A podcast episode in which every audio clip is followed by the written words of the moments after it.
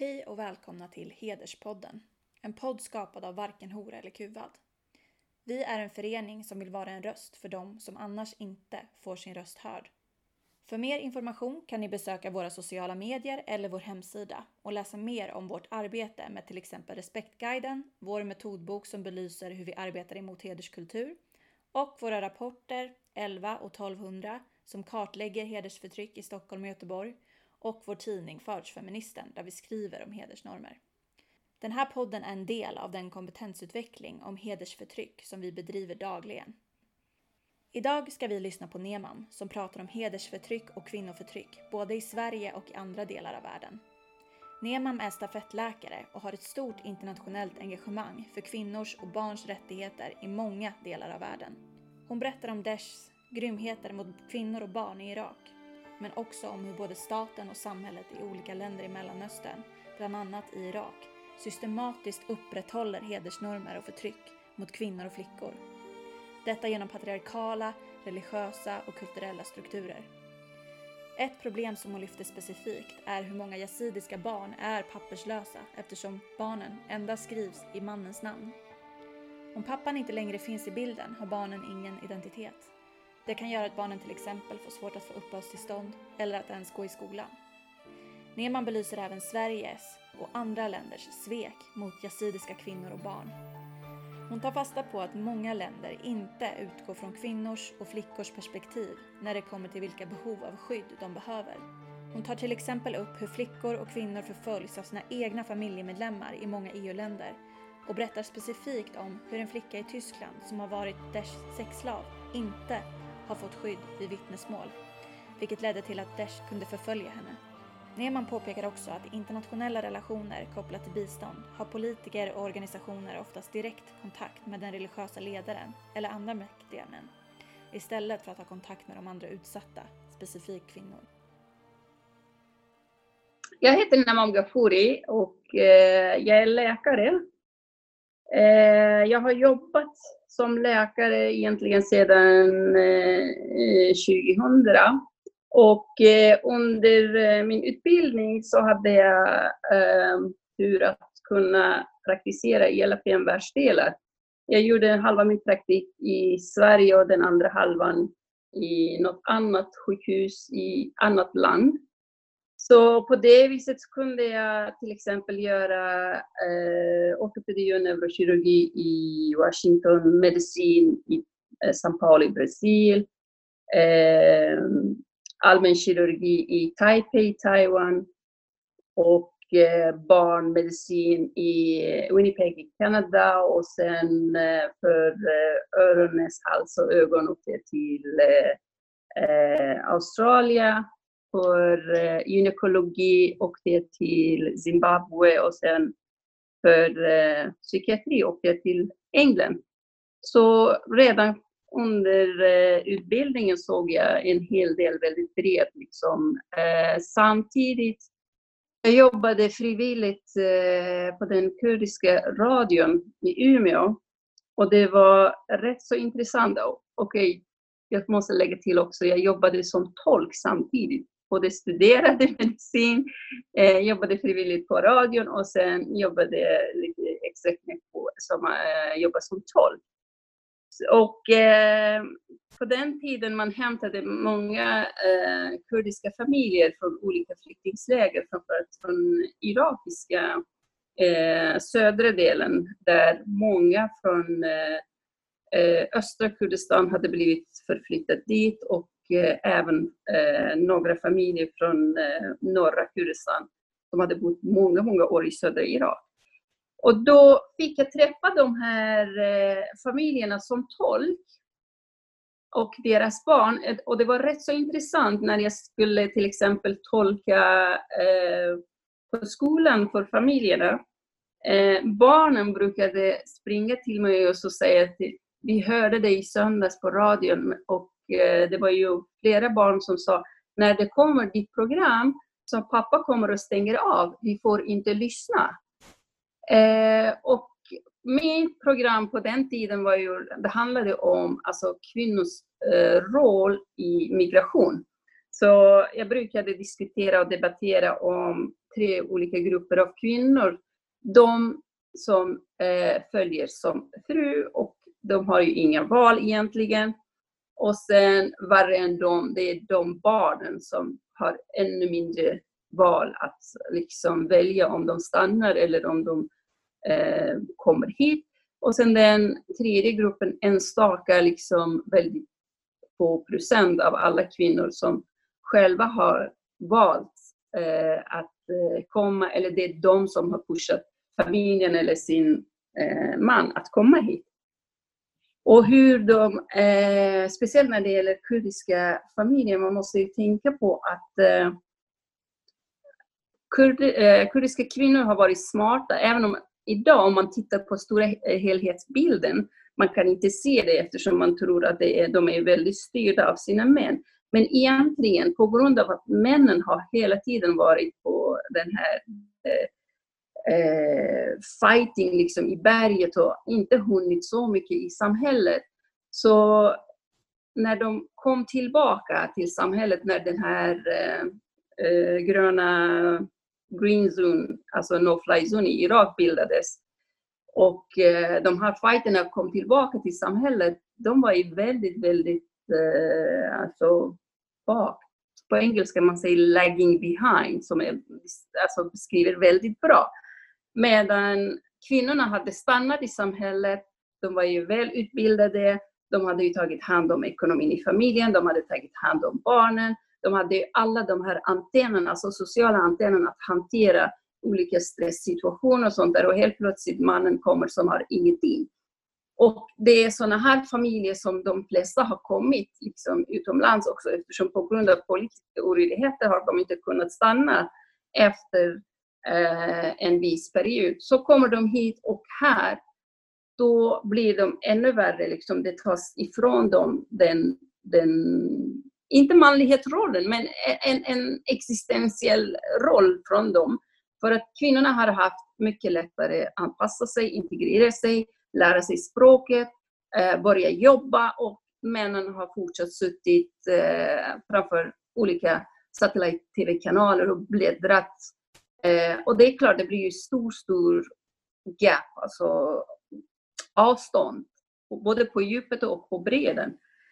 Och vi diskuterade sådana här saker och det var rätt så intressant. De nyanlända, deras pappor brukade stänga av eh, mitt program i eh, Umeå-radion. Och den har följt med mig ganska länge och än idag. Jag kan ju se mönstret som upprepas hela tiden. Och eh, från den tiden har jag hela tiden liksom satsat väldigt mycket på kvinnor i, på mitt sätt. Det började från den och, och sen gjorde jag min samtidigt som jag läste läkarlinjen så gjorde jag min eh, master i folkhälsa. Och eh, då, jag hade inte varit i föräldrarnas hemtrakt på hela mitt liv när vi blev eh, flyktingar från irakiska sidan till iranska sidan och sen från Iran till Sverige. Så vi hade aldrig kunnat återvända.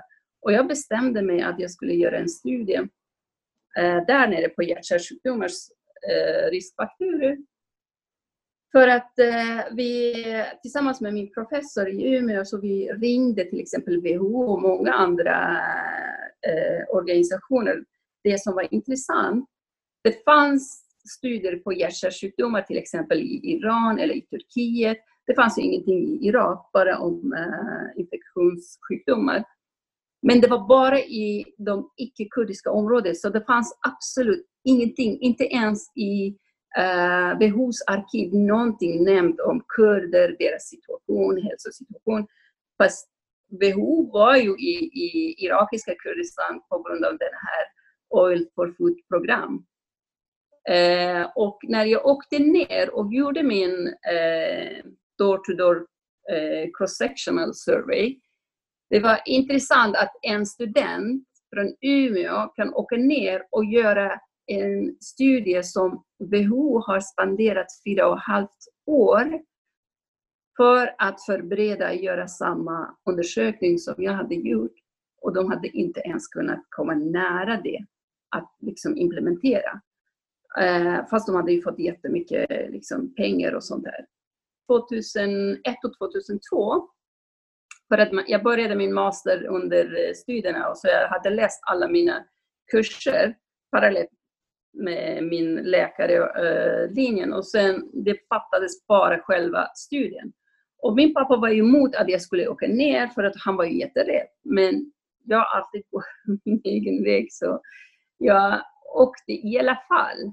Och då gjorde jag den här studien och eh, det gick så att jag valde eh, 1000 person i Doha, tusen i Suleimanie, 750 i Hawler, eh, 200 i Amedi, 500 någonting i Choman. Så totalt vi gjorde 2841 personer. Och det var väldigt intressant metodik. Alltså vi gick, vi, alltså allt var ju lotteri. Valde olika områden i varje ställe och sen teamet gick mitt i eh, centrum och eh, kastade upp en penna. Pennas riktning visade vilket håll ska vi börja och sen vi valde eh, slumpmässigt eh, hushåll efter hushåll. Och, eh, I varje team jag hade en man och en kvinna bara för att liksom försäkra oss eh, att det blir inte problem om för att i varje hushåll när vi gick in och knackade på dörren så frågade vi hur många över 18 år var ju hemma. Och eh, då skulle vi med lotteri välja en. Och det skulle vara en man, så hade vi en man med oss. Om det skulle ha varit en kvinna, så hade vi en kvinna. Och då skulle vi mäta blodtryck och eh, måttet på median och, och sen eh, vi hade en frågeformulär som var 172 frågor. Både eh, liksom bakgrund, sjukdomar, psykosociala tillstånd och sånt där. Det som var rätt så intressant, även där jag kunde se hur lätt det var ju för kvinnorna att och liksom förstå och samarbeta med oss jämfört med männen. Med all anledning förstås. För, för till exempel, jag glömmer aldrig eh, den här mannen när vi la på manschetten, blodtrycksmanschetten. Han blev så rädd. Han trodde alltså att det var ju eh, spioner från Saddam-regimen. Han hade suttit i fängelse flera gånger. Så han tog eh, sin skepp och började slå oss och vi bara sprang därifrån.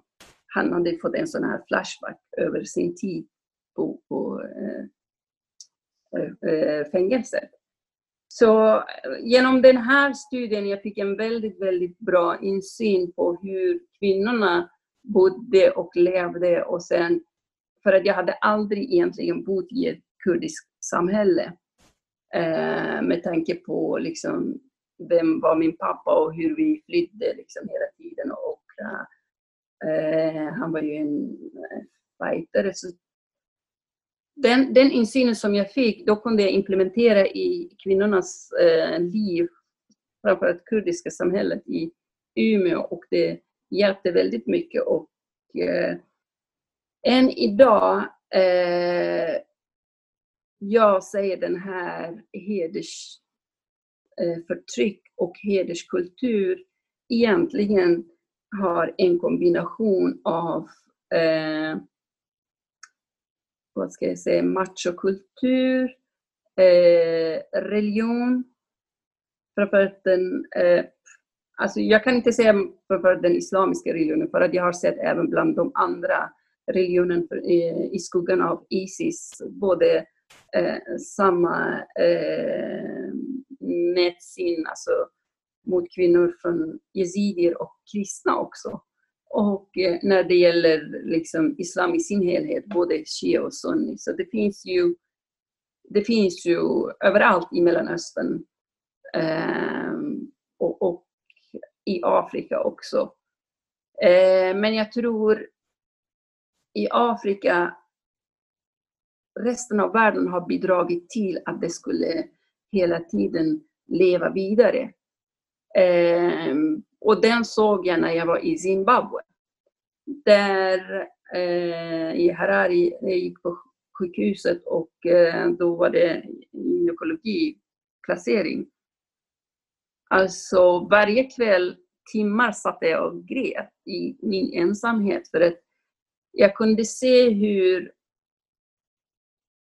jag vill inte kalla dem för västerländska läkare, men i alla fall icke-afrikanska läkare.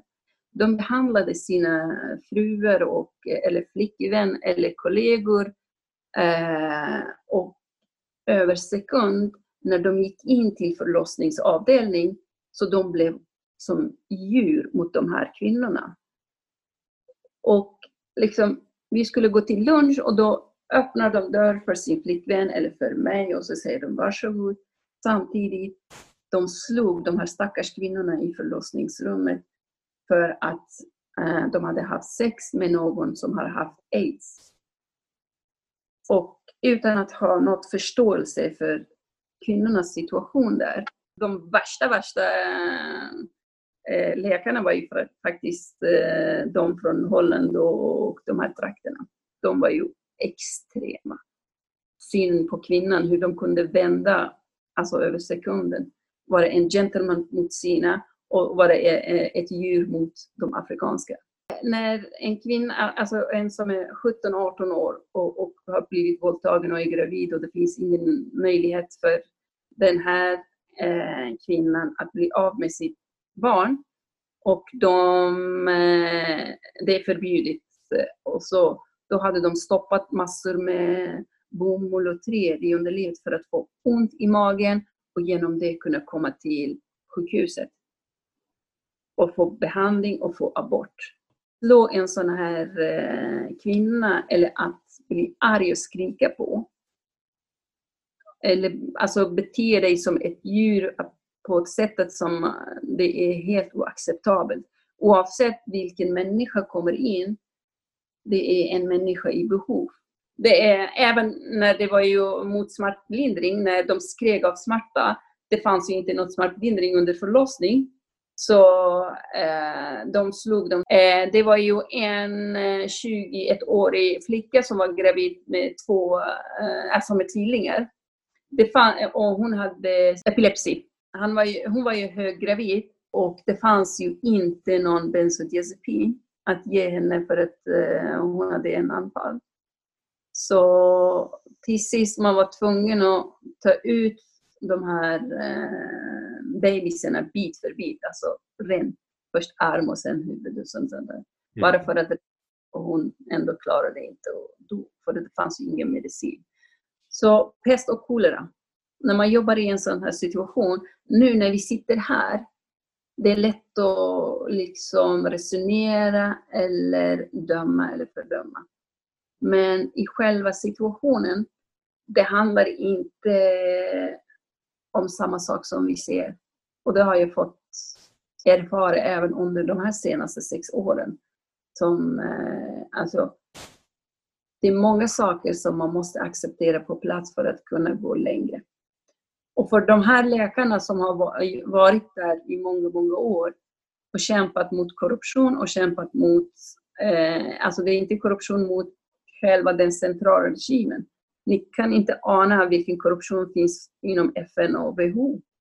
Det, det, det är den här synen på kvinnan. Det är väl, alltså det, tröskeln är väldigt, väldigt eh, skör. Det blir väldigt lätt att att man faller tillbaka, det är det jag ville säga. I dagsljus mot sina egna kvinnor, då var ju så här och sen de, det var precis som att man skulle ta av sig eh, vita rocken och, och byta roller när man hade på sig den här vita rocken och då var ju det här stora samhället med all eländighet, man betedde sig som, precis som djur. Men så man tog av sig det här och det var ju den vackra naturen, det var sol och det var ju Eh, ett helt annat livsstil för dem själva. Det fanns ju mat för dem, det fanns ju bekvämhet för dem. Då var man den civiliserade mannen igen. Och det var precis som dag och natt skillnaden. Liksom. Och det är det som jag säger, liksom den här, eh, hur mycket av det här hedersförtrycket är relaterat till det här stora samhället. Och att man bär med sig hit. Och tyvärr, man accepterar den. Eh, accepterar på det sättet för att man är rädd konfrontera. Och det är det jag har sett hela tiden. Man är rädd att sätta gränser. Och det är mycket bekvämare att acceptera att det är avändig kultur. Det är, man har ju kommit med den. Jag tänker först och främst på läkarna men, eh, men jag tänker samtidigt på sin helhet. Stora bilden som vi ser idag. Och vi har inte fått kunna bukt med den. Inte ens omskärelse. Trots allt som man gör. Varför? Jo, det, det handlar om kvinnokroppen och det handlar om den här eh, synen som man hela tiden föder och tillåter. Det är kriminellt, det vet du, det vet jag, det vet vi här. Men försök att få det att, det, eh, att de skulle förstå det, att det är kriminellt. Försök att få den mannen som igår gick och, och sköt i en sån här förlossningsavdelning i Afghanistan att förstå. Där finns ju bara kvinnor och nyfödda. Även när det gäller eh, yazidiska kvinnor. Alltså alla religioner är väldigt stängda, till och med eh, kristendom och judendom, alla är ju väldigt liksom, eh, begränsade för kvinnor yazidi-regionen också är väldigt strängt mot kvinnor. Och det är rätt så intressant hur hela västvärlden accepterar detta i namnet på att man måste respektera religionen och man måste respektera den religiösa ledaren. Vilka är de religiösa ledare? Alla är män. Jo, det är det liksom.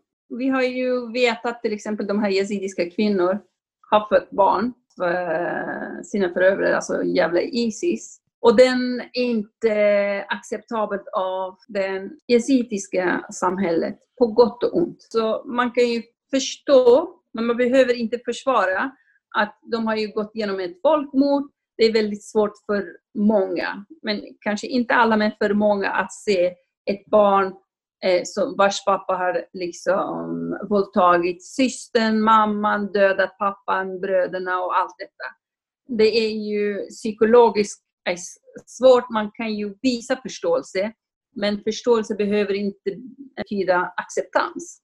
Men tyvärr, västvärlden har gjort att det har blivit acceptans och lämnat de här mammorna ensamma i fortsatt enormt, enormt, enormt Eh, smärta och eh, hopplöshet.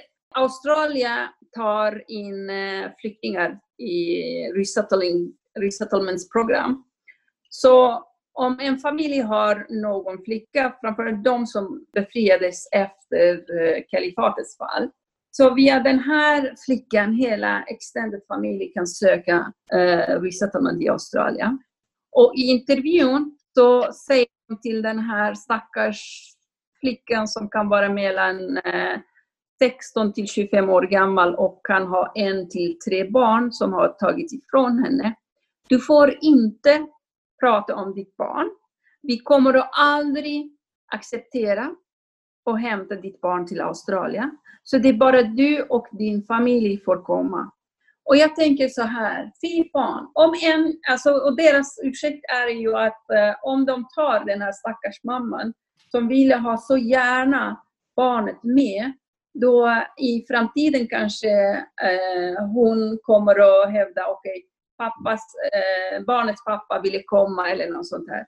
Och då tänker jag en sån här stort land och eh, regering som Australien inte klarar av skydda en kvinna från en alltså, eventuell risk av en man i framtiden.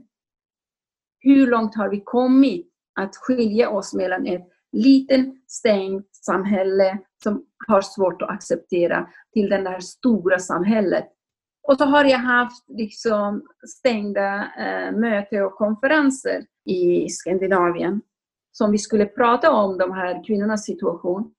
Och han som hade organiserat eh, mötena kommer fram till mig och så säger okej, okay, vi har yazidier från, som bor här. Både de som är emot och både de som är med. Men eh, vi ska inte vara väldigt hård. Vi ska eh, akta oss för deras känslor, för de som är emot att de här barnen ska återvändas eh, och reunited med deras mammor. Och så tänker jag så här, herregud. Om ett samhälle som Sverige inte har klarat av att ändra på de här människornas tankesätt. Att han har bott hela sitt liv i Sverige och har åsikter om en stackars mamma där nere som ville ha sitt barn tillbaka och barnet, alla barn är under fem år. Alltså vi pratar om spädbarn som har separerats från deras mammor. Och en man som Sverige har gett skydd i en och två generationer sitter här och sätter sig emot att den här mamman ska uppfostra sitt barn. Det är den här dubbelmoralen, den här hypokrisin i västvärlden som faktiskt förstärkt den här eh, kulturen och försämrat det. När, när vi sitter liksom med dem och klappar på axlarna och tycker synd om dem, då har vi tagit ifrån de här stackars mammor rätt att uppfostra sina barn med, med kärlek. Och det har jag sett många, många exempel på. Och det är det som jag kämpar mot. Och det är det som jag har inte kunnat komma längre fram på grund av den här mesigheten, på grund av den här fegheten som vi visar i namn på respektera andra kulturer. Varför kultur alltid är mot kvinnan. Alltså tänk dig, om vi, om vi har tre yazidier, de kan bygga fem politiska partier och de kan bygga sju frontlinjer och fighta mot varandra. Men trots det, alla är eniga att de här mammorna, eh, alltså barn ska tas ifrån de här mammorna och de får inte, eller de är inte välkomna tillbaka till samhället. Och hela västvärlden accepterat. Men när man alltså öga mot öga sitter med dem, och då kommer de att svara precis som du gör och tycka synd. Mm -hmm, jo, mm. Men aktivt, praktiskt, de gör ingenting. De sitter och tycker synd om och håller med mig. Samtidigt eh, konsulat från alla eh, europeiska länder liksom, eh, en efter en går och besöker de här eh, religiösa ledarna, de här olika grupperna och så kanske blir det en liten diskussion och hint till den och en argumentation och that's it. Och så säger de, vi har gjort det. Nej, ni har inte gjort det. Om ni hade gjort det så skulle ni ha visat att det är fel. Så skulle ni ha hjälpt de här mammorna att få sina barn och hämta dem till era länder. Och ge dem ett chans att öppet försvara sig och visa att de är mammor och mammornas känslor väger över allt annat. Men det har de inte gjort. Tvärtom. De har gjort allt i sin makt att det skulle bli svårare för dem. Och jag har ju exempel på kvinnan som eh, Cecilia Uddén flera gånger har eh, gjort radioreport om henne. Hur hennes barn togs ifrån henne och eh, UNHCR gjorde ingenting egentligen mer än att nu hon bor fortsatt i flyktingläger och eh, det är ett liv.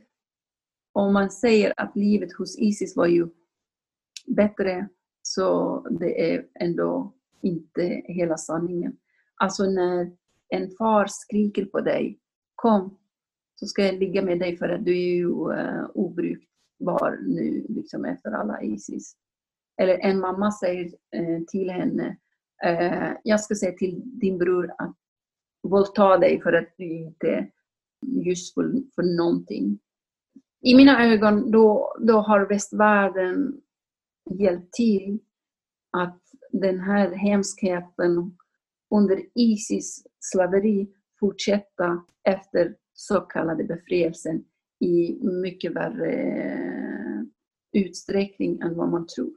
Man måste våga ge den stöd på praktik, alltså rent praktiskt. Det finns ju jättefina sidor beskriver kvinnans rättigheter, kvinnans stöd. Eh, glöm alla eh, länderna, men bara FN och eh, UN Women.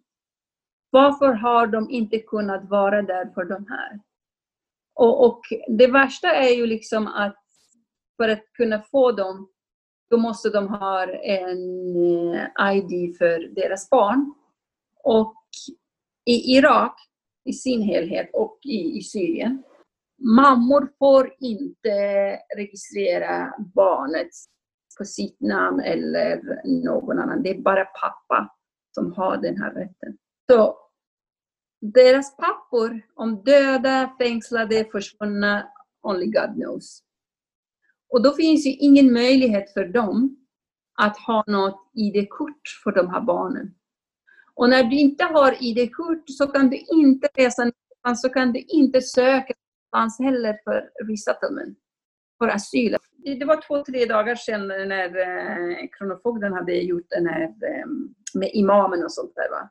Och jag tänker så här, varför en sån här man har så lätt att komma sig eh, så långt att få asyl, medborgarskap i Sverige, men en stackars mamma som verkligen är ju det enda människa som är i stort, stort behov av asylen, får inte. Alltså när du är jagad av din familj, när du är jagad av din kultur, när du är jagad av din samhälle, när du är jagad av din så kallade regering, som är fallet i Irak. Och du får ingenstans stöd. Om en sån här människa är inte berättigad på enklaste sätt att få asyl, vem kan ha det? Just nu pågår eh, två rättegångar i eh, Tyskland. Och när de här Isis-folket kommer så media hjälper dem att de skulle skydda sig, de skulle inte synas. Så det finns ju ingen möjlighet för yazidierna att se, okej, okay, det är den här personen som är på rättegång i Tyskland. Men när en stackars yazidi flicka kommer ut och befrias, då är det hela världens media, först och främst kurderna både i Syrien och i irakiska sidan. Och sen hela västvärldens liksom, kameror är på den här stackars ansiktet. De inte ens ger dem andrum att liksom återhämta sig, tänka om de ville vara med. Nej, de har ingen rätt. De måste vara med för att de ska visa hela världen att, vad de har varit med om. De utsätter de här stackars flickorna till ytterligare fara i framtiden för att de här djävulerna har hunnit att reorganisera sig. Vi vet ju att de finns ju överallt och ändå utsätter vi de här stackars flickor och kvinnorna helt öppet. Och även barnen. Än idag, ingen svensk media har visat ansiktet på Skrumobarnen för att man ville skydda, ingen ska känna igen dem. Men de här stackars yazidiska flickor Alltså vi har ju haft flickor som har varit åtta år gamla och de har ju hunnit bli sålda 10-20 gånger och våldtagit av fem, sju, åtta män. Och deras ansikte finns överallt, på alla tidningar. Man har ju den här dubbelmoralen, man skyddar de som ska inte bli igenkända. Om jag hade varit i Tyskland, jag skulle aldrig tillåta den här Omamia skydda sin ansikte på det viset, tvärtom. Hon ska synas för att många andra yazidier ska eh, känna igen om det är den eller inte. Och det är därför många yazidier vågar inte komma fram. Alltså vi har ju haft flera fall. Jag kan ge ett exempel som är världskänt. Den här Ashwah, hon återvände från Isis och sen hon togs till det här rehabiliteringsprogrammet till Tyskland. I Tyskland två gånger den här Isis-mannen hade jagat henne och hon hade gått till polisen och anmält det. Och då, polisen hade sagt, ja men han är ju också asylsökande som dig. Det är ord mot ord. Och på toppen av den, den här professor doktorn som är ansvarig för programmet, för rehabiliteringsprogrammet, istället för att ta sida vid den här flickan så hade han sagt, nej men det är vanligt med hallucinationer. Så hon blev så rädd. Hon återvände till eh, irakiska Kurdistan och bodde i flyktingläger. Och via vänner, han hjälpte henne till sist, om jag bara sammanfattar, liksom, i alla fall den här killen hamnade eh, i domstol i Bagdad. Och man behövde vittnesmål för att Ashwaq kom tillbaka. Och alla gjorde video av Ashwaq. Det var det som var hemskt. När hon träffade den här eh, Isis-mannen och eh, föll ner. Alltså hela tv-kanalerna och sånt där visade hennes ansikte och sånt där. Och hon behövde vittnesmål, men ingen yazidi vågade vittna för henne. Det var ju andra Isis-män som vittnade för henne för att man kunde döma den här Isis-mannen. Det är så pass stark liksom, rädsla finns bland yazidierna att de här europeiska länderna, det är ju mera åt Isis-sidan än dem. De vågar inte komma fram. Så den som du säger, det är ju en i en sån här idyllisk värld. Men verkligheten är långt, långt, långt bort. Alltså en stackars yazidi-kvinna som sitter i eh, skulle aldrig våga drömma att en europeisk myndighet eller eh, stat verkligen kommer att stödja henne för att få sin rätt. De vet att det är ju en, i slutändan det är bara vapen och krig som gäller och den starka som vinner. Så de hellre ville sitta stilla och tyst och inte vittna mot någon för att de vet att imorgon de kommer tillbaka och det har hänt i Mosul. Och de är ju helt lämnade ensamma. Det finns ingen hjälp för dem. Det finns en andra grupp av kvinnor som eh, ingen pratar om och de också var utsatta eh, lika mycket som yazidier och det är eh, shia-kvinnorna. Och de har ju mycket, mycket värre än yazidier.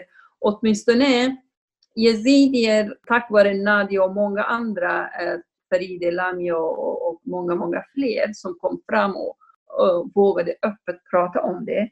Shia community, det är totalt, totalt förbjudet att prata om det. Och att Isis, det var ju från hela världen. Och man gjorde liksom mot den här eh, två religiösa gruppen. Det ena var ju shia, det andra var ju eh, yazidier.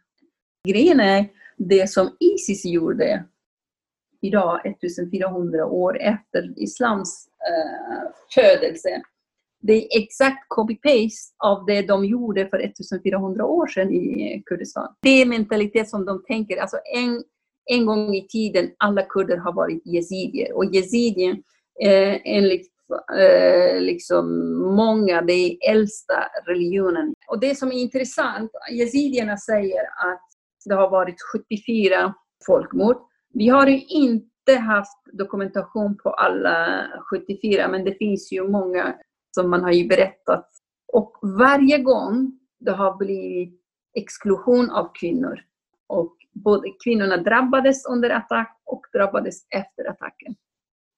I min släkt, alltså det finns ju farbröder och, och kusiner och sånt där som deras mormor eller farmor eller något sånt där har varit antingen yazidier som konverteras till islam eller judar som konverteras till islam när islamarmén hade kommit till området, då folk hade varit så fina.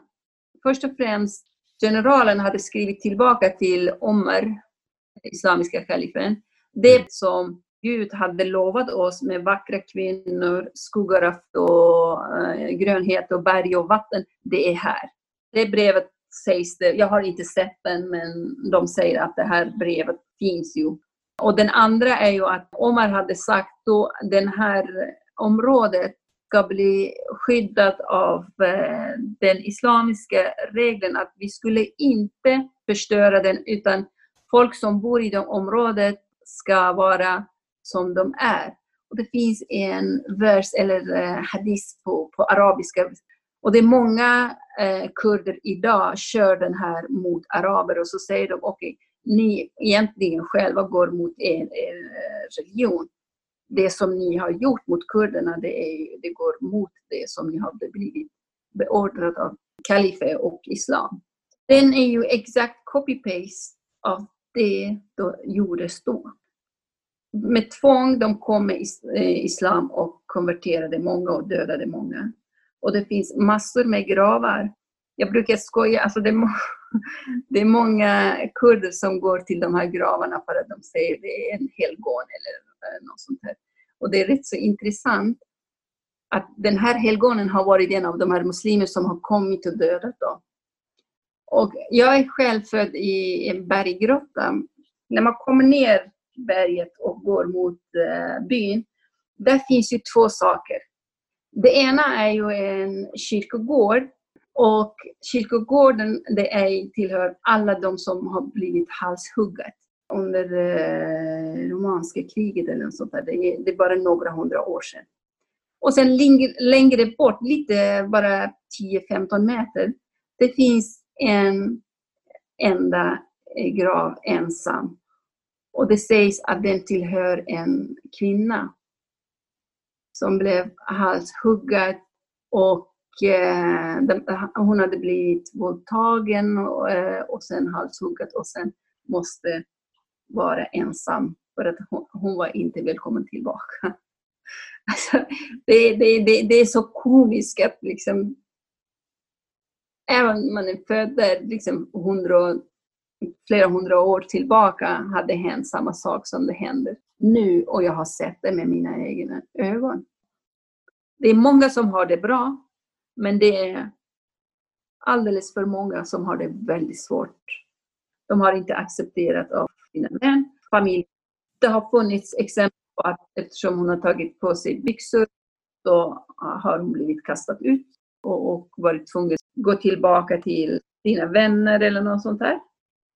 Om jag säger så här, det var så att eh, om ni kommer ihåg 2014, eh, BBC berättade om ett barn som hade lämnats uppe i berget och hade blivit blind på grund av värme. Två läkare tog eh, pulsar av medicin och eh, tog båten över Tigrisälven och gick till syriska sidan till Nauros camp där alla från berget hade flytt ner innan de skulle komma tillbaka till den irakiska sidan.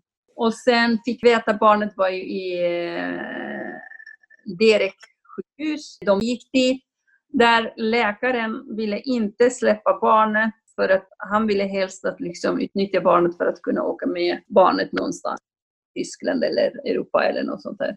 Och det kom fram, historien som BBC berättade var helt, alltså det var inte sant.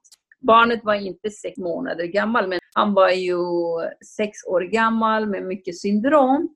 Men det var rätt att han hade blivit blind på grund av torkan. Jag hade pratat med ambassaden och skulle kunna ta honom på andra sidan så skulle vi kunna ta hit till, till Sverige för behandling. De behövde prata med eh, hälsoministeriet och, och sen hade medicin för eh, flyktingarna så gick till Naurus flyktingläger. De besökte sjukhustältet och hjälpte och alla mediciner. De var jätteglada. Och sen eh, letade efter ministern Eh, man måste äras. Och, och eh, hade gäster och så sa han, och vänta här tills vi åker, så åk med oss, bakom oss, så kan vi prata om det. Och då fanns ju en eh, tysk journalist, stod där och pratade, så, en, så han kom fram och eh, han hade redan pratat med den här journalisten.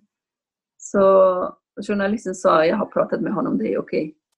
Och när han fick veta att liksom, de kom från den irakiska sidan så han började uh, svära och, och eh, säga att alla kurder är kriminella. Det är de som har sålt oss. Eh, det, vi ska göra samma sak med deras eh, flickor och mammor som de har gjort mot oss. Så han pratade jätte, jätte liksom, argsinnigt och sånt där och så försökte de lugnar ner honom och så säger okej, okay, lugn, lugn. Det är det som Isis, Isis vill. Liksom det som är kvar blir splittrat och man fightar mot varandra istället för att fighta med, mot dem. Och, och pratade och pratade och så sa de när man eh, dödade Dua, hela världen tyckte inte att det var alla jezidier utan man sa det är manlig mentalitet, det är, man, det är männen som har gjort det här. Och så säger han, nej, men det som hände mot eh, ah, det var helt rätt. Men hallå, man stoppade sten i hennes vagina och tusentals stenade henne. Så säger han, jo, det var helt rätt. Även idag, om någon i det här lägret skulle bli kär i någon yazidi, vi skulle göra om exakt samma sak. De sa, men du är ju högutbildad på universitet och säger så här. Tänk vad de andra skulle säga. Så han blev jättearg. Och sen han gick därifrån och sen kom tillbaka och så säger ta bort mitt bild. De har inte tagit kort på dig. Och eh, sen de såg att gästerna åkte iväg så de gick till bilen. Men han hade gått och berättat för alla och förberett alla. Så i bilen så kommer de och bara pushar bilen och, och eh, säger de varifrån kommer ni, var är, var är er eh, liksom, ID? Och så folk började stena bilen och eh, chauffören sprang. Och det var bara tusentals människor som bara stenade, gungade bilen och sånt där. Och de två eh, läkarna, de började skrika, de började gråta eh, och de skrek liksom vi är vänner av Babeshekh, vi är med er. Så, och då började de skjuta Klasjnikov och de två eh, läkarna fick massor med stenar. Och eh, efter de började eh, skjuta så den här ministern med eh, gästerna, han själv kom tillbaka. Och när han kom tillbaka, han sprang in i bilen och började köra bilen. Men det var ganska för sent. Och de två eh, läkarna hade fått massor med stenar. Kunde inte eh, äta och dricka på tre veckor efteråt. Så mycket. Och precis, alltså, det, det slutade inte den, med den. Så han körde bilen till sjukhuset. Deras, eh, en av högsta religiösa ledare som var i lägret kom med 20-30 beväpnade män till sjukhuset. Och de två eh, läkarna sa, och tänk alla de här eh, mobilerna som har filmat. Tänk om någon av dem går ut i världen, ingen kommer någon gång, alltså i resten av livet, skulle hjälpa yazidierna när ni har stenat det på det sättet. Så han bara beordrar alla män gå tillbaka och samla telefonerna. Så med ambulansen åkte de till gränsen. Och det är återigen det är kvinnan, kvinnans kropp, kvinnans rätt. Det är samma sak med alla religioner. Vad jag ville säga med den, alltså man kan ju utnyttja religionen, det värsta vapen som finns. Jag tycker liksom religionen är värre än eh, nukleär bomb faktiskt. Det finns vissa saker som egentligen, eh, om en icke-yazidier säger, eh, in, det är förbjudet, men yazidierna själva Eh, kan säga det. Och eh, om det hade inte varit på grund av eh, alla de här tusentals som blev döda, tusentals som blev våldtagna och, och beslavades och sånt där. Det som hände, det var, det var ganska bra för att öppna ögonen på många. De som bor i lägret idag, de har helt annat syn än vad det var. Och eh, det syn som unga har i lägret för mammorna, bara som ett exempel för att ni ska förstå det bättre. Den ger hopp. Vi, det, det, det är samma misstag som upprepas även här. För förändring, man hela tiden siktar sig mot den här eh, elitgruppen. Glömde bort folket. Du liksom summerade den här eh, religionen och hederskulturen återigen bara kring den här lilla ringen som finns på toppen och du glömde bort folket. Det finns ju hopp. När folket har bestämt sig och de redan implementerar. Och det är, det är just den här största frågan för mig har varit. Alltså varför skulle jag de här delegationen som kommer in och ut till irakiska Kurdistan och bang till Dalash och träffar bara religiösa gruppen. Och bara via dem kommer de till någon flyktingsläger och tar ett par bilder och vi har varit på flyktingsläger. Kom ner till folkets nivå, lyssna på dem, hör vad de säger. Det är inte samma som de här gubbarna säger. En väldigt, väldigt tydligt exempel kan jag säga. I mars vi hade jättestort eh, brand i eh, mitt flyktingläger. Åtta stora tältar förstördes totalt. Och varje tält, det är inte de här vanliga små en familjetält, utan de är stora tält som man har delat mellan två eller tre familjer. Och än idag, trots att det är corona, trots att det är utegångsförbud och trots att man ska stanna hemma, man har inte åtgärdat, man har inte byggt nya tält för de här familjerna. Varför? Jo, för att UNHCR och Camp Manager har pratat bara med en man som låtsas vara ledare för hela gruppen. Och han vill inte ha enskilda tält, modernare tält, utan han ville helst gå tillbaka till den gamla. Och kvinnorna och flickorna och ungdomarna kommer till mig och säger mam, de kallar mig för mam. Snälla, vi har inte fått det här. Varför de lyssnar på honom, varför lyssnar de inte på oss? Vi ville helst liksom enskilda enstaka tält där. Vi vill att få tillbaka vårt hem så fort som möjligt och våra släktingar de är trötta på oss för att det är så trångt under deras tält med oss och deras familjer. Förstår du? Även där i små praktiska saker. Hela tiden man går till mannen, han som styr och inte till kvinnorna och de som lever och bor där.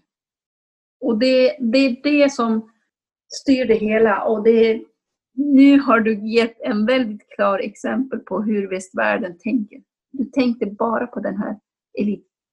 Vi på Varken hora eller kuvad vill tacka Neman för intervjun och för att hon delade sin viktiga men också allvarliga berättelse. Hon förde fram ett budskap som vi alla behöver höra. Hederspodden är tillbaka igenom två veckor så håll utkik på våra sociala kanaler.